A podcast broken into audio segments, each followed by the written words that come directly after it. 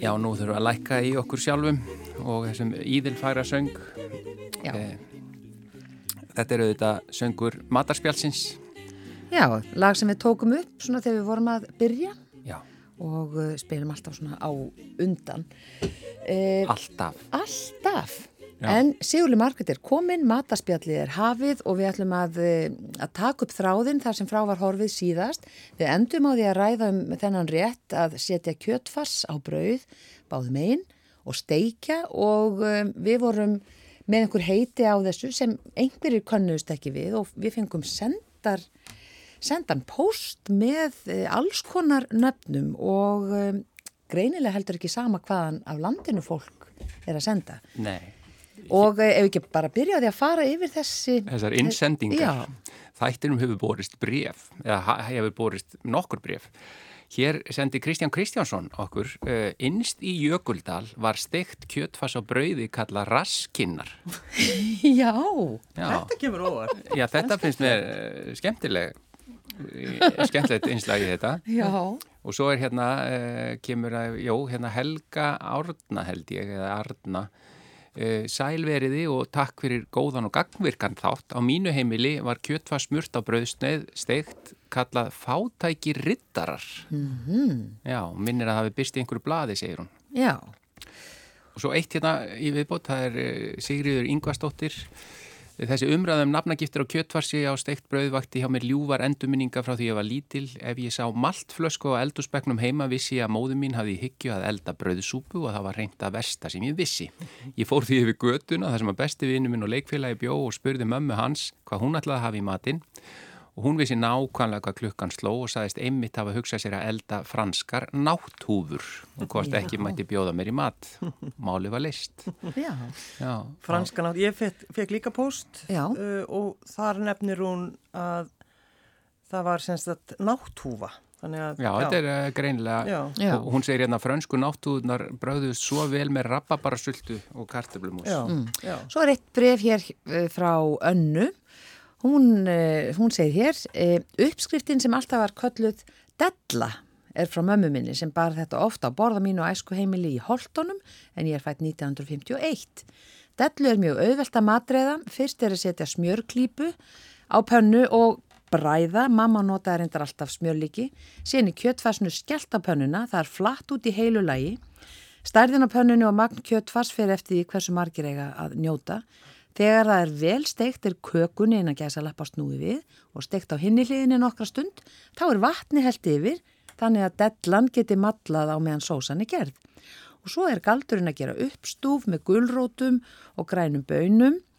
Þegar kveiti og smjör hefur hrært saman er vögvin úr dósinni, þetta er svona gulrættur og grænar saman já, já, í dós. Saman, já, og sá vögvi er notaður í byrjun, síðan mjölk, sigur og salt og út í sósuna er síðan held úr dósinni og svona kartablur borðnar með og þessi della er skorin eins og terta á samt sósunni og hún endar þetta á því að segja þetta er hinn ágætasti hverstagsréttur og vinsall hjá barnabörnunum mínum um að gera kynna komandi kynslu fyrir gamaldags mat. Kæra hverjur, Anna Harðardóttir. Já. Þetta er skemmtilegt. Mjög, er skemmtilegt. það með sér einn enn póstur. Já, lesta. Það er komið hann, Birgitta Níelsdóttir. Uh, hún er fætt uh, 1970 alveg upp á Dalvik og þekki vel að hafa kjöttfass í ymsum myndum á matvaðaborðinu eins og við kannski flest þekkjum. Kjöttfassbólur og kál er vel þekkt og steiktar og allt það. Og hún segir að kjöttfass á brauði var bara kallað því nafni á hennar heimili og hún er, uh, það var setna sem hún heyrði þetta kalla rónabrauði eða rónasteik En svo segir hún, kjöttfars var líka stundu matritt í eldföstu formi, gjarnan með brauðraspi í botnin og mm. þá borið fram með brættu smjöri og kartablustöpu. Ég veit til þess að sumir kalluðu slíkarétti svikin hérra. Þetta Nú, voru, ég var einmitt að velta þessu fyrir mér. Já, Jú, já, sumir lögðu sko beikonsneiðar, þannig þekki ég það með beikonsneiðum líka. Ég einmitt myndi ekki hvað var í stektum hér, en, nei hérna sviknum eða hvað var þetta? Steiktur í eri. Já. Steiktur hér sem er rúglega mjög góður Já, já, í Já. rauðinsósu. en frábært hvað við erum að fá mikið að viðbröðum. Ekkert smá og svo bara svo ég nefni hérna svona nokkur heiti sem þættunum barst. Fljúandi diskar heitir þetta einhver staðar Já. og náttúrnar og frönsku náttúrnar sem þið nefnduð og uh, í skagafyrðinum fengum við, eða semst úr skagafyrði fengum við bref og þetta var kallað fátækur hermaður þar Já, sem er svolítið merkilegt. Já, já. Þetta er, mörg af þessu nöfnum er ekki alveg pólitíst rétt, sko. Það er bara, Hvað en ertu að það, ég menna þetta, já, já.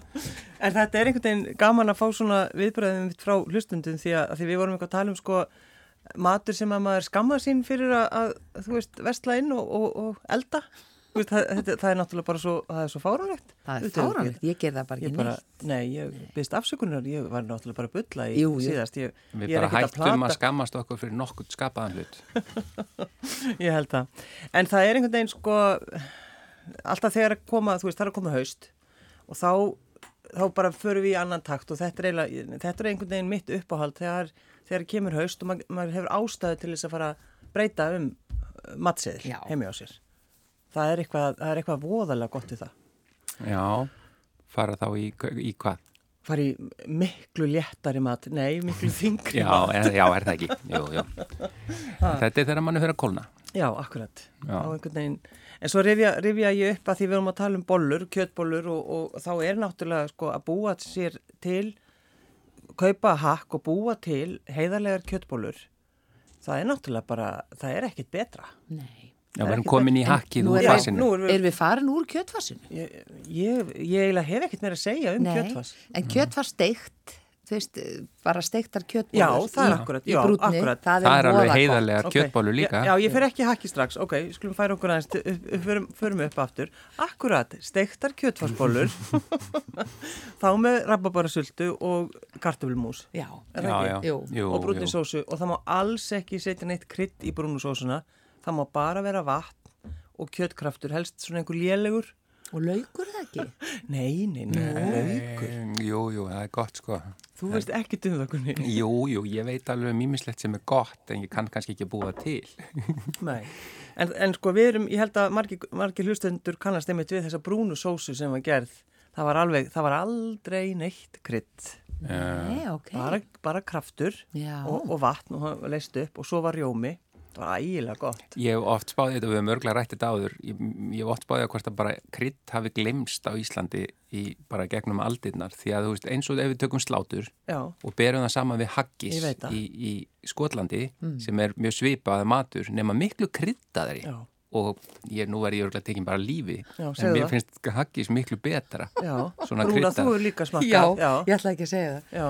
Haggis er svakalega gott, Já. en mér finnst slátur svakalega gott líka. Ég get eiginlega ekki gert upp á milli. Nei. Já, en, og, En ég fór til einsunni til Skotlands Já. e, og var þar í fimm daga og fekk mér haggis í hverju einasta hádegi, bara á sikkunum staðnum. Prófaði haggis að hann á fimm og náttúrulega stöðum. með rófum og Já, eða ekki. já, Já, það er nefnilega alveg svakalega gott. Það er minni fita í því, Og þá notaður krydd. Já, mikið krydda. mikið piprað. Já, og miklu svona sterkara kryddbrað af því sem að mér finnst bara betra sko. Það væri rúglega bara ekkert vittlust þeir sem er að gera slátur að prófa þetta, taka svona kannski krydd sem að, já, sem að við kannski þekkjum vel, þess vegna var þetta að týna eitthvað Já, já.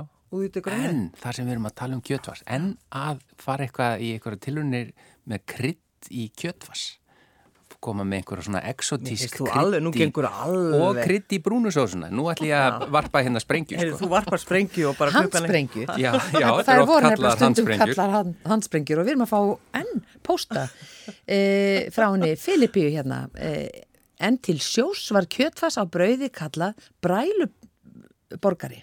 Bræluborgari. Já, Það er bara svoleiðis. já, Þetta er, þetta er alveg frábært, þetta er frábært. já. En, en, ok, þú vilt, já, hérna- Ég, mér langar svo að halda frá að tala um kjötbólur og, og, já. og mér langar svo að, að uh, rifja upp þegar maður sko er uh, vittlisingur. Mm, sem þú veist alls ekki lengur. Nei, ég er það ekki lengur. En þegar maður er uh, ungur og þorir ekki að smakka mat eða ef maður sér að laukurinn er svo sko, uh, hann er svo stór, hann er svo gróf hakkaður í kjötbólum að, að maður fær bara svima um tilíkusununa. Já, sem, sem ungur vitlisingur. Já, að, að, að maður þorir ekki að smakka þessar kjötbólur. En í dag er maður þannig að, að, að laukurinn á að vera það stór að þú bara heyrir þegar þú- býtur í hann. En þannig er að, að Tryggvi Ólafsson, myndlistamæður, uh, gerði frægustu kjötbólur í heimi og þær voru alltaf kallaðar tryggvadellur, ekki fríkadellur, heldur tryggvadellur. Mm Og það var bara þannig að þegar maður kom í heimsókn þá gerði hann þessi kjötbólur og það var, það var nautakjött og það var laukurinn, gululaukurinn og hann var saksaður mjög, mjög gróf, það var mjög gróf saksaður laukur, svo var egg, salt og pipar, smá kannski rúmjöl eins og dæninni gera það og við þetta líka setja smá svona til þess að þétta, sem er setja smá brauðrasp. Svona þess að, já, til þess að þétta þær. Og svo var hann með, hafði hann svona svolítið stórar, uh, svona góða matskeið í lófan og stekti þar á pönnu og hann gerði svo brúnasósu eins og ég nefni með, með uh, krafti. Ekkit, var ekkert held ég að vesnast með eitthvað svona krydd sko, hann var bara að gera brúna heiðilega sósu, svo er þetta borið fram með kartöblum og rauðböðum og þegar maður kom inn á í stampiskötu og fann lyktina að það var að fara að gera kjöttbólur þá var maður, ó nei, nei. Og svo l- settist við öll til borðs og maður var hann að orðin krít kvítur í framann að fara að smakka þess að grófhak, hennan grófhakkaða lauk. Og hann náttúrulega las sko, hann var, sko, hann, hann var náttúrulega þannig, hann elskaði að elda mat og hann gerði mjög góðun og skemmtilegan mat. En hann var bara, hann var svolítið svona strangur að ef hann sá að ég var ekki alveg að borða þær nógu hratt eða ég var svona einhvern veginn að fykta einhvern veginn í þeim þá reytti hann í mig. Vilt ekki bara fara á pulsuvagnin og, og þetta var setning sem hann notaði sko við alla og sérstaklega krakka og þá var allir svona nei! Og, svo, og svo bara mann ég eftir því þegar að loksins ég hafði þroska til þess að, elska tryggvadelunar og þær eru náttúrulega, þetta er alveg einstakur matur þær eru svo góðar og þær eru sterkar, þú veist að þeir nota mikinn pipar og mikinn salt og svo þessi grófhakaði lögur. Þetta er alveg og Manstu á hvaða aldri þú fórst að kunna meta þetta? 45 Nei. Nei, ég man bara, þú veist, ég bara dreig upp þessa mynd, ég held ég hef verið eitthvað 11 ára eða eitthvað þegar, þegar ég satt þarna og man þessa, og man þessa setningu sem var svo náttúrulega notuð bara alltaf og ég nota hana sjálfsögðu í dag því þetta er bara frábær setning það bara, og pulsuvagnin var bara var hljó bara fyrir hotni þá við hérna brautastöðina þetta var, og það var í rauninni sko þegar hann saði þetta við mig, þá alveg langaði hugsi, ætlan sé að meina það að ég megi skjótast Já, út frábær tillaga hjá hann. og rosalega góð hugmynd tryggvi. En hann var náttúrulega ekki að meina það. Og maður borðaði, ég mani ég borðaði eina bollu og ég var alveg örmagna þegar ég var búinn Eftir laukin, auðvitað. Er líka, ég var alveg, mér var illt í magunum nei, nei, ég, var- mér var það ekki. Þannig að þetta er, að búið hlægja þessu síðan þá, Já, vilt ekki bara fara á pulsuvagnin, eins og það var bara það versta sem hún gæst gert. Já, sko heima gerðir hambúrgarar sem voru gerðir svona og stundum voru bara settir á fransbröði. Já, yfirleitt á fransbröð Já, og urðu svona með tómatsósun og öllu, það var fransbröð allt svona lind og, og dalt í sundur og dó.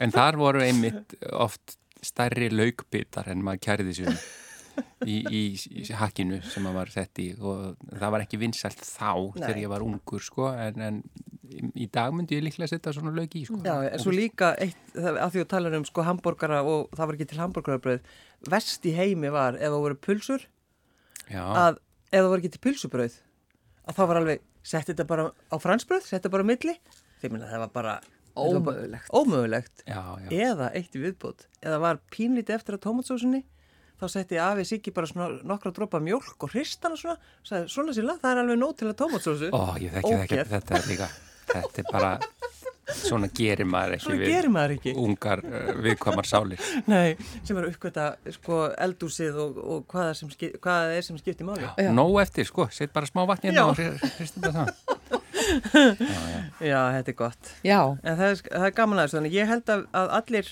uh, hlustundur okkar eiga dag eða um helgina að gera tryggvadellur.